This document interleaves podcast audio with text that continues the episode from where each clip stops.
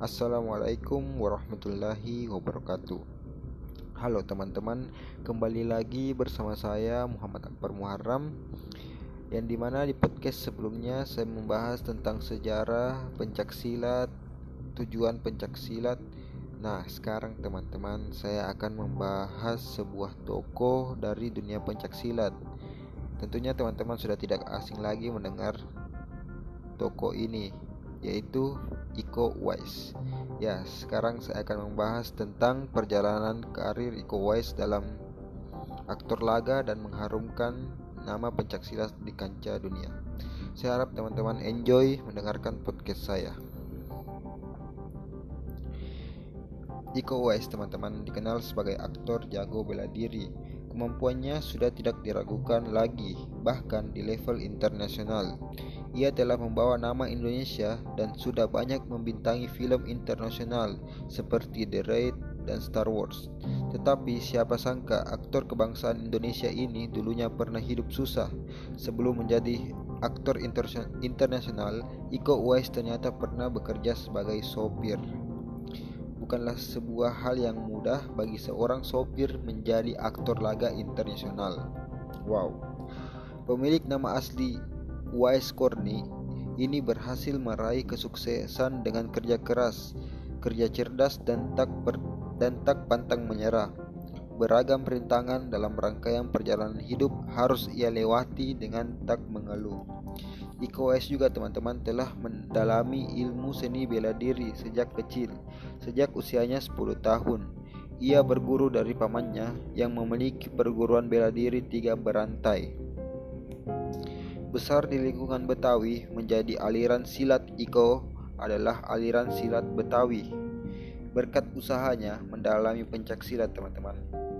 Iko pun sering mendapatkan juara dalam perlombaan bela diri seperti turnamen pencaksilat DKI pada tahun 2003 dengan posisi ketiga dan kejuaraan silat nasional kategori demonstrasi pada tahun 2005 dengan menjadi juara terbaik.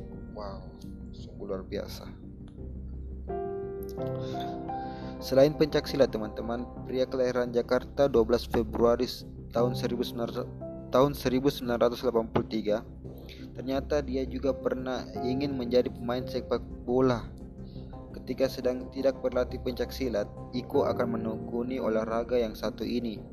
Ia juga pernah bergabung menjadi pemain Liga B klub sepak bola Indonesia dan menempati posisi gelandang. Multi talenta banget nih teman-teman. Tetapi karena klubnya mengalami kebangkrutan, Iko kemudian memilih untuk fokus dengan ilmu bela dirinya yaitu pencak silat yang dilakoni ternyata mampu membawanya keliling dunia. Oh, luar biasa. Dirinya telah mengikuti peragaan pencak silat di Inggris, Prancis, Rusia, Laos, dan Kamboja. Di ta pada tahun 2008, Iko pernah bekerja sebagai sopir. Kala itu dirinya harus menyambung hidup sehingga ia memutuskan untuk mengurus SIMA. Pekerjaan sopir Iko dilakoni selama dua tahun di perusahaan telekomunikasi.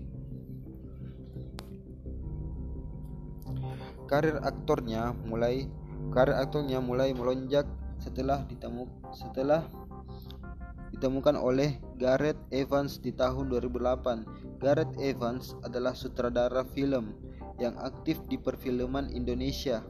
Sutradara asal Inggris ini itu sedang melakukan riset tentang silat di Jakarta untuk film dokumenternya. Dari situlah karir Iko sebagai aktor laga perlahan mulai naik dan dikenal banyak orang. Film pertamanya adalah Merantau yang dirilis pada tahun 2009 yang juga merupakan karya Gareth Evans. Iko kemudian mengundurkan diri dari pekerjaan sopirnya dan memilih bekerja bersama Gareth Evans. Nama Iko Uwais sendiri melambung setelah memainkan film The Raid. Yang The Raid pertama dan The Raid yang kedua.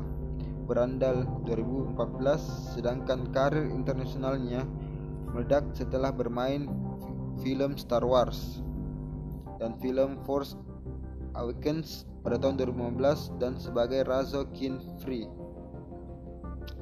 Perannya di Star Wars membawa keberuntungan bagi Iko. Pasalnya, beragam tawaran untuk memainkan peran datang. Tawaran perangnya tidak lagi di skala nasional, melainkan skala internasional. Keterampilan Iko Uwais menarik perhatian Hollywood. Ia pun sudah pernah beradu akting dengan aktor-aktor terkenal seperti Keanu Reeves, Keanu Reeves, Mark Wahlberg, dan lainnya. Beragam film Hollywood yang pernah diperankan oleh Iko Uwais seperti Man of Daichi, Star Wars, The Force Awakens, Beyond Skyline, Mile, Triple Threat, Stabber, Kineton Express dan dan Snake S.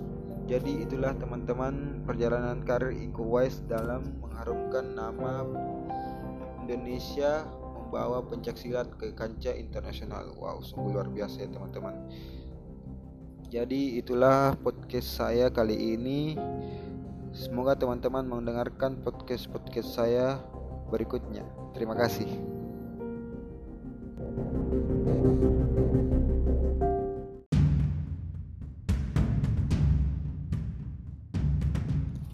Assalamualaikum warahmatullahi wabarakatuh.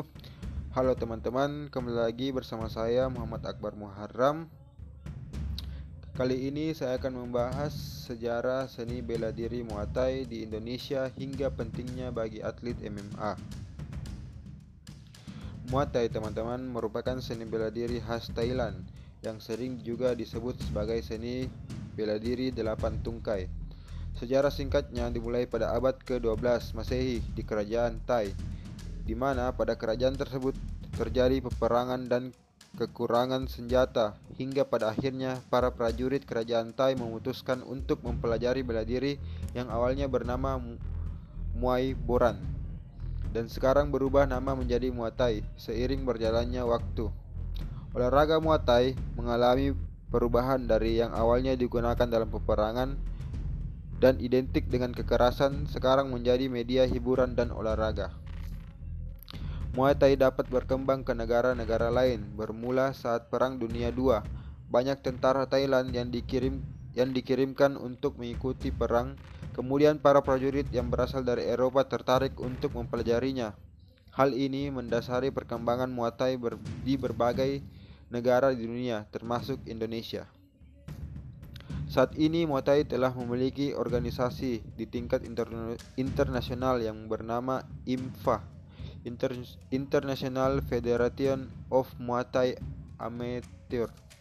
Organisasi ini berdiri pada tahun 1933 di Bangkok, Thailand dan anggotanya berjumlah 128 negara.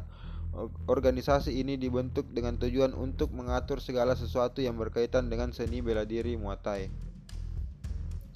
Eksistensi Muay Thai semakin digandrungi oleh masyarakat, baik laki-laki maupun perempuan. Teknik-teknik yang dilakukan Muay Thai saat ini terbilang aman dan mampu menjaga kebugaran tubuh. Muay Thai menggabungkan teknik bela diri dan latihan otot. Beberapa teknik yang dimiliki oleh Muay Thai yaitu teknik memukul, teknik memiting, teknik menendang, teknik mendengkul, teknik menyikut, teknik dorongan kaki, dan teknik blok. Alasan mengapa Muay Thai semakin digemari adalah karena berbagai manfaatnya bagi kebugaran tubuh.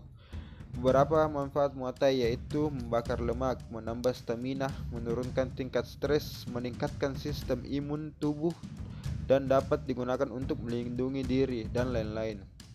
Olahraga Muay Thai teman-teman merupakan olahraga yang mengusung teknik body shaping atau pembentukan body tubuh sehingga olahraga ini ber bermanfaat dalam menurunkan berat badan. Hal ini yang, yang melatar belakangi Muay juga digemari oleh banyak wanita. Muay Thai merupakan unsur penting bagi para petarung atlet MMA. Bagi para petarung atlet MMA,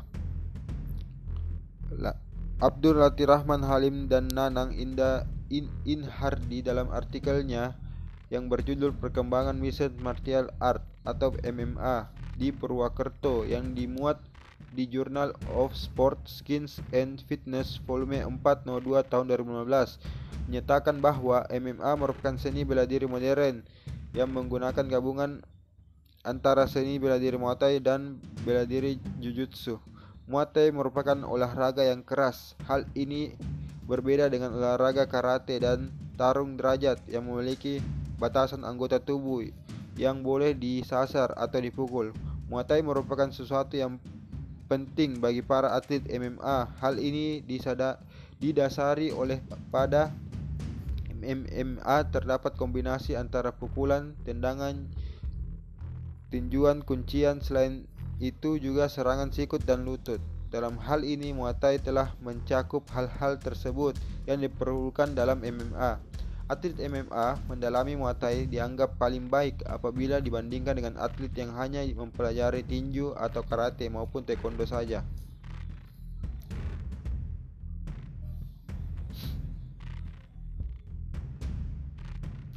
Karakter Muay Thai sangat all-out. Seorang atlet yang memiliki kemampuan Muay Thai maka dirinya telah belajar teknik mendaratkan kepukulan sekaligus teknik menahan pukulan ke dalam.